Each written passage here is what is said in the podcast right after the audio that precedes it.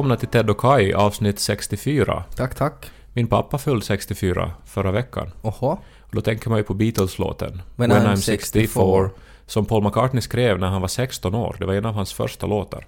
Mhm. Tänk det, att han då som 16-åring satt och tänkt på att han kommer att vara 64 och att kommer någon att bry sig om Will honom you då? still love me? Mm, Will you still need me? ja. Och så skrev han en sån här glad, ändå lustig, gammaldags melodi. Mm. Jag tycker, vi kan ju inte spela upp den här låten här nu, men jag tycker Vad alla heter- kan ta en liten paus nu och lyssna en stund på Vad heter det där 64. instrumentet som används i den låten? Fagott? Det där boom, boom, boom, boom. Ja, va- är det en fagott det? Jag tror det är en fagott.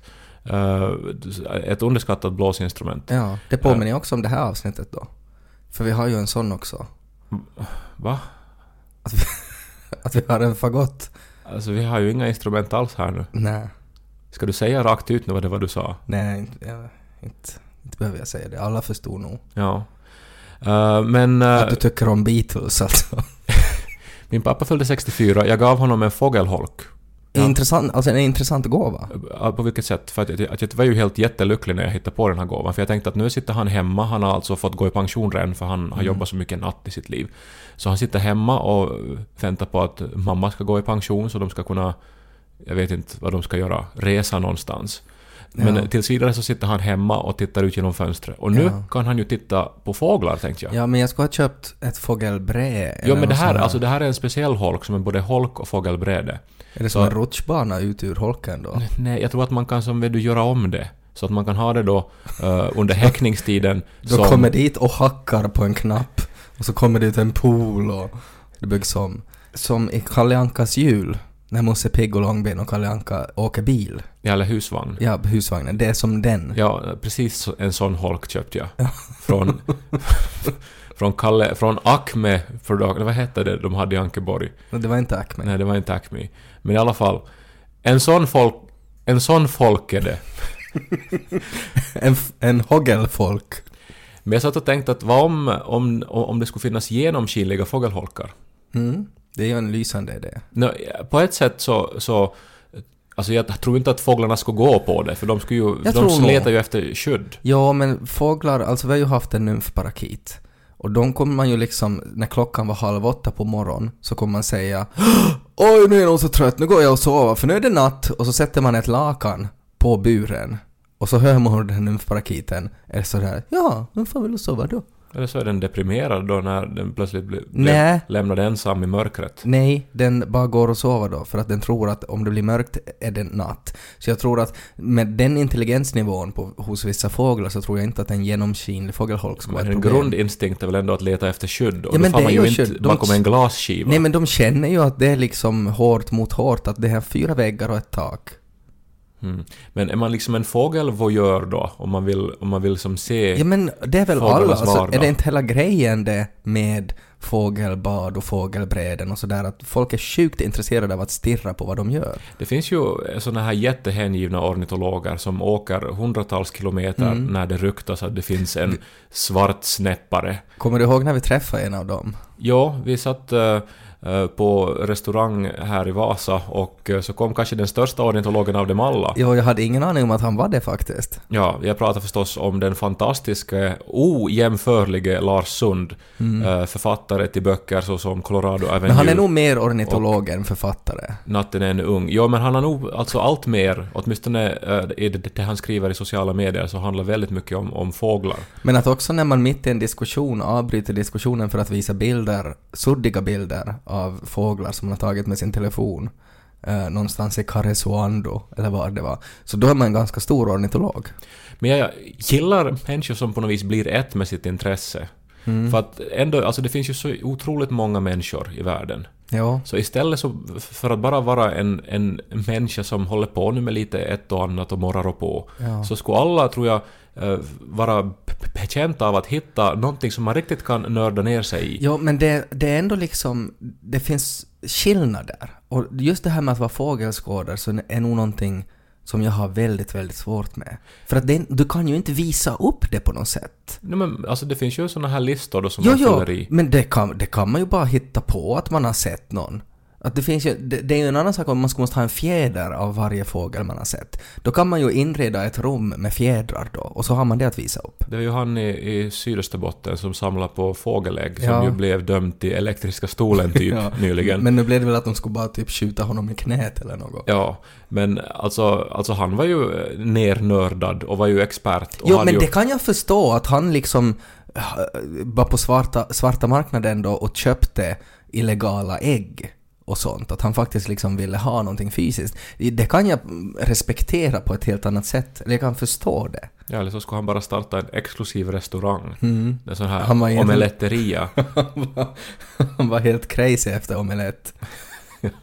Leta efter den ultimata omeletten.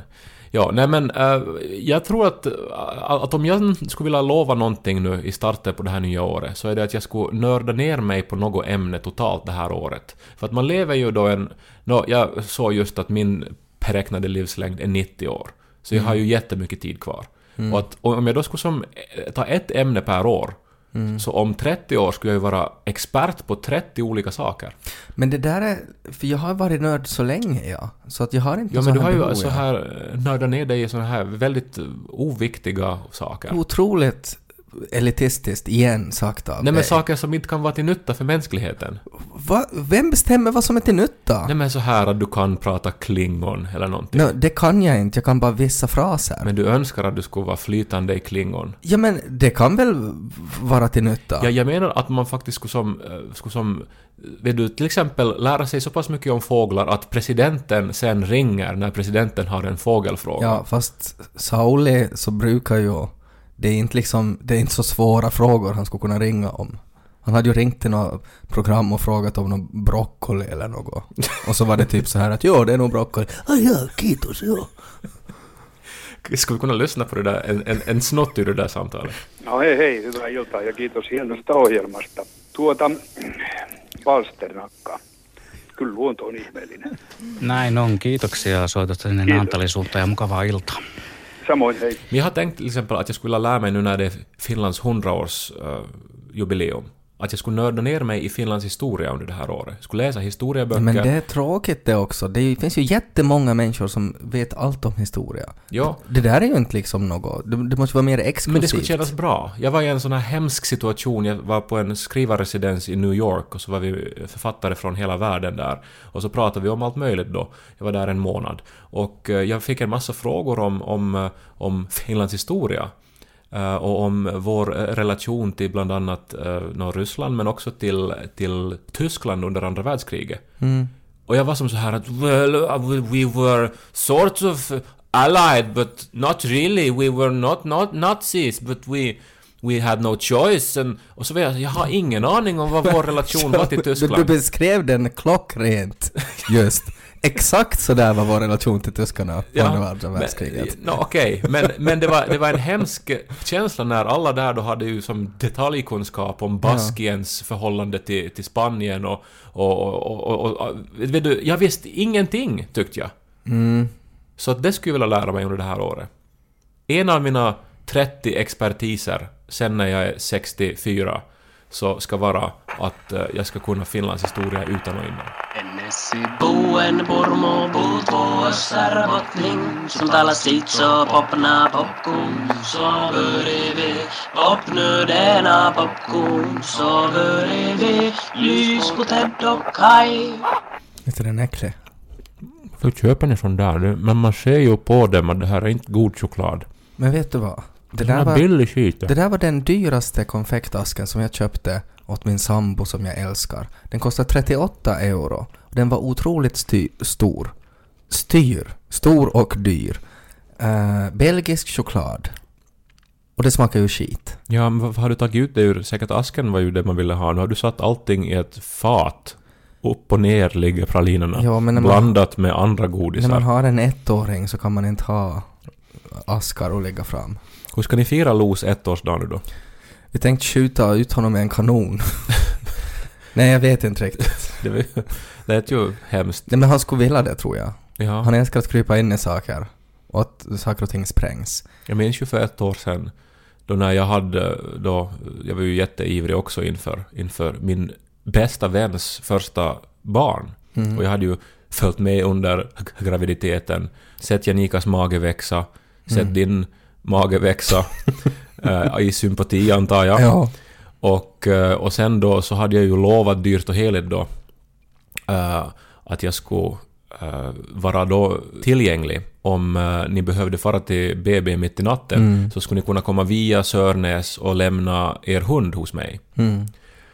Och sen så vaknade jag ju då Hur många missade samtal hade du? fyra, Ja. och både från dig och från Janika. Ja. Och sen hade Niko lika många missade samtal. Mm. Men istället så kom då Janikas pappa körande från Pargas mitt i natten för att Mm. vara hundvakt. Ja, när men, vi for till BB. ja, men vi var nog så trötta så det var Ja, nog bra jag att, att, att vi fick sova den där natten. Förstår det. Men sen så for vi ju då till, till, till BB och hälsade på då. Mm. Och så, så var ni ju där då. Mm. Och, och så amma Janika. Mm. Så såg jag kvinnobröst för första gången i mitt liv. Mm. Och så sprang du ut skrikande. Mm. Niko kom in med dig i rullstol tillbaks. Och så hade du en hoppare, vilket du aldrig har annars. Hade jag det? Ja. Eh, och på något vis, det tänkte jag då dels att symbolisera då eh, att du är så oberörd. På vilket sätt oberörd? Nej men det, det blir ju inte vardagligare än så. Eller är det kanske sådär att man slänger på sig det som finns till hands när man ska åka taxi till BB? Och du såg väldigt oberörd ut. Sorry att jag inte hade fixat håret och hade snygga kläder när faddrarna kom på besök. Och sen var ju Lo där då. Såg ut som en liten eh, asiat. Mm. Eh, och så skojade vi ju om, om då att han hade samma hudfärg som jag. Mm. eh, så här orange. Mm. Och att jag var pappan. Ja. Och, och, och så plötsligt nu så är det ett år senare och han är liksom sju meter lång Mm. och, och, och ropar och härjar. Han har börjat peka nu. Tänk hur det ändrar ens liv när man kan peka på vart man vill till exempel. Eller vad man vill ha. När man bara sträcker ut sin hand och säger äh! Och så, så förmedlar man att det är det där jag vill ha. Ja, Och när man annars inte har kunnat göra det. men nu har ni ju det där ansvaret då att säga stopp till pekningen då. Uh, ni, ni får ju inte låta honom, fast han är förstfödd och älskad, bli till en som pekar och kräver. Jag tror inte att det finns några många ettåringar som inte är krävande, som inte vill ha saker. Men vi ska försöka. Det finns faktiskt, eh, jag tänkte prata om det, en, eh, en sak som är det mesta han vill ha just nu. Och det är ju, men det är egentligen det är ju all teknik, all teknologi, så det är ju det han pekar på, det är ju det han vill ha. Eh, och han har ju också lärt sig att bli arg när man tar bort saker att- av honom. Telefoner, surfplattor, fjärrkontroller. Allt som är svart och dyrt, så det vill han ha. Och eh, när det kommer till telefoner, så det som han vill ha är att man ska sätta på YouTube och så ska man sätta på eh, Sjung med Sanna. Som är en kvinna som har gjort eh, barnprogram, alltså barnsånger till YouTube. Okej. Och det är väldigt speciellt. Uh, och det är någonting, alltså hon tar sådana här vanliga sånger och så sätter hon in sjuka grejer i dem. Som Lo går jättemycket igång på. Jag har aldrig sett på det här tidigare, jag tänkte spela lite uh, Sjung med Sannas version av Bä bä vita lamm. Så får du veta vad jag menar. Alltså att det är Bä bä vita lamm, men det är något sjukt med det också. Bä, bä, vita lamm, har du någon ull, Ja, ja, kära barn, jag har säcken full Hellas Helgdagsrock åt far, yeah! Och söndagskjol åt mor, yeah! Och två par strumpor åt lille, lillebror, yeah! Ja, du märker ju, alltså det är ju sjukt, och det är ju sjuk i huvudet. Men det, var, alltså, det låter ju debilt. Lo älskar det där. Ja, men alltså jag vet inte, jag förstår ju det här att när man är barn eh, så då är man ju eh, intresserad på ett annat sätt. Alltså man hänger ju med på ett annat sätt än vad vuxna gör. Och det kanske då kräver eh, att den som då ska leverera något till barnet har en förhöjd intensitet. Mm, ja, det kan jag det. förstå. Är Men är det inte ändå farligt att man redan från när barnet är litet lär barnet äh, att, vara, alltså, att det som är debilt och psykotiskt är liksom äh, det normala? Men jag, jag, alltså, det man ska eftersträva? Jag bara tycker att vad är det för fel med att bara sjunga ull? Varför måste man sjunga ull? Det är ju också för jag tycker ordet ull är ju också nytt för barnet. Ja. Men Sen blir det ju bara värre alltså att hon har ju, eh, nu måste jag se vilken är det det här, det heter Först och sen sången. Och det här är ju helt hemskt nu då, men jag har ju lyssnat på väldigt mycket barnmusik. Och att i något skede, för att när man har ett litet barn så de vill ju höra samma sång om och om och om igen hela tiden. Och det blir man ju crazy av. Men när ens hjärna börjar då liksom sätta in den här sången, man börjar, man hittar på nya ord, man hittar på nya text och sen börjar man hitta på ny kontext, att vad är det de egentligen sjunger om. Och jag kan inte, alltså sen första gången som, som jag och Janika insåg vad den här låten, vad det låter som, så har jag inte kunnat släppa det. Och det här låter som alltså att hon sjunger om saker och ting som brukar inträffa på sådana där klubbar i Berlin, som det brukar vara till ibland. oj.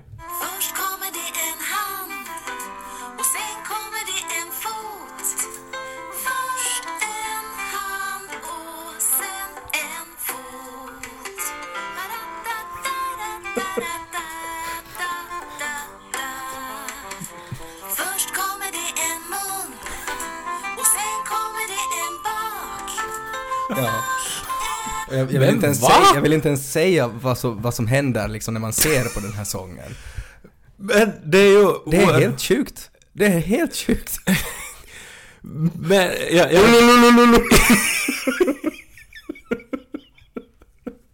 jag tänkte... Jag tänkte att det var faktiskt din, din hjärna här som Jo, jo. läste in saker, Nej, men, men men så blev det ju explicit här. yes. Och jag vill inte ens veta vad, vad det kan tänkas vara. Nej, nej. Och, Sen. finns, och hon har alltså hundratals sådana där. Men är, alltså är hon populär nu då? No, för Lo är hon populär. Jag antar att hon är ganska populär för att när man googlar på barnsånger så då kommer det ganska snabbt. Ja. Först kommer det en sång. Sen kommer en polis. Lillelillelillis.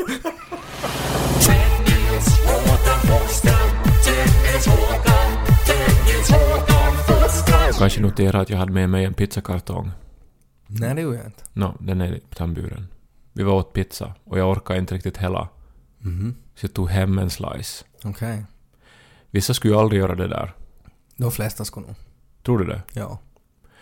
Jag tror det kommer från min mamma. För hon, hon sparar ju på allt. Vi var i Rom. Och eh, så var vi och åt pizza, jag och mamma, i Vatikanstaten. Och så blev det över en liten slice. Och så skulle vi vara resten av dagen i Rom. Men mamma krävde då att få ta med sig den här slicen då. Ja, men det är ju helt... Jag menar... Och så fick hon en sån här fullstor pizzakartong. Okej, så hon skulle kanske bett om att få lite folie bara. Och så gick vi då omkring i Rom, den eviga staden då, med pizza. Hela dagen. Gick hon alltså och höll i Alla foton som finns från Rom så står mamma och håller i en pizzakartong. Det är alltså pizzakartong... Sen var vi på den överfulla metron i Rom. Och, och, och, och, den här pizzakartongen tog ju upp kanske fyra människors plats. Och folk stirrar argt. Och du vet italienare, när de är förbannade. Så kommer vi till spanska trappan. Det är trångt där. Och mamma kommer med sin pizzakartong. Folk måste gå till sidan. Folk ramlar typ över räcket.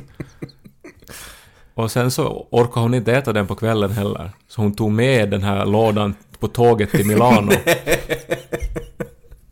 Har hon köpt biljett åt den också? Och så det här hade vi den på hotellrummet i Milano. Äh, hade ett eget rum. tills hon sen uh, slängde bort den. För att då hade den blivit för gammal för att äta. Ja. Men jag kan, alltså på ett sätt så kan jag helt förstå att man gör det. Jag menar säkert var det ju jättegod pizza som ni åt. Nå, helt så här okej, vet du, mitt emellan. Det här är inte på något sätt Nej men jag kan så här tänka att om man ska gå en hel dag i en, en stad, man är turist och sådär, så att man kanske vill ha något salt sen. Dricka, man dricker mycket vatten, man svettas. Det kan ju vara gott att ha en slice. Men det är ju bara så, det är ju svårt med en hel pizzakartong för man kan ju inte ha den i någon väska utan man måste ju gå med den som en pizzakartong. Precis. Men sa du inte åt henne då att mamma, ska du slänga den där pizzakartongen? Jo, jag sa det. Vad sa hon då? Att, absolut inte. Att det är helt otänkbart. Det är ju, det är ju helt bra mat som hon har betalat mat, för. ja. Ja. Och på, på ett sätt är, är det ju inte riktigt klokt det hon gjorde. Mm. Men på något sätt så är det ju den där attityden som har, som har hållit världen flytande och som eh, bristen på den attityden som håller på att förstöra världen Nej, alltså grejen är ju den att det blir ju på något sätt en, en liten krock där, för att det är ju en helt bra attityd att ha. Släng inte mat. Men samtidigt så borde en annan attityd, hej, nu är vi på resa, vi turistar och sådär, att det, det, är liksom, det är bra att inte släpa omkring en pizzakartong. Och det borde ha liksom vunnit, alltså det här, det här logiken borde ha varit starkare än den här instinkten att spara pizzan. Jo, jo, men hennes ångest som hon skulle ha fått om hon skulle ha kastat pizzan skulle Skulle ha varit varit större ja. än den här ångesten då att, att alla stirrar på en och att Mhm. folk typ dör när de ramlar från spanska trappan. Det som ju du skulle ha kunnat gjort i den situationen är ju att du skulle ha sagt Mamma, jag är jättehungrig, kan jag få äta upp den där pizzabiten? Smart. Eh, Jag skulle För då skulle den instinkten ha gått före. Det här att mitt, mata- barn, mitt barn är hungrigt. mata sitt barn är Ja. starkare än det här att inte slänga mat. Ja. Jättebra idé. Jag var ju förstås mätt, men jag borde ju Ja. ha för att eh, få bort den här ångesten. Mm. Borde jag ha gjort det. Jättekreativt.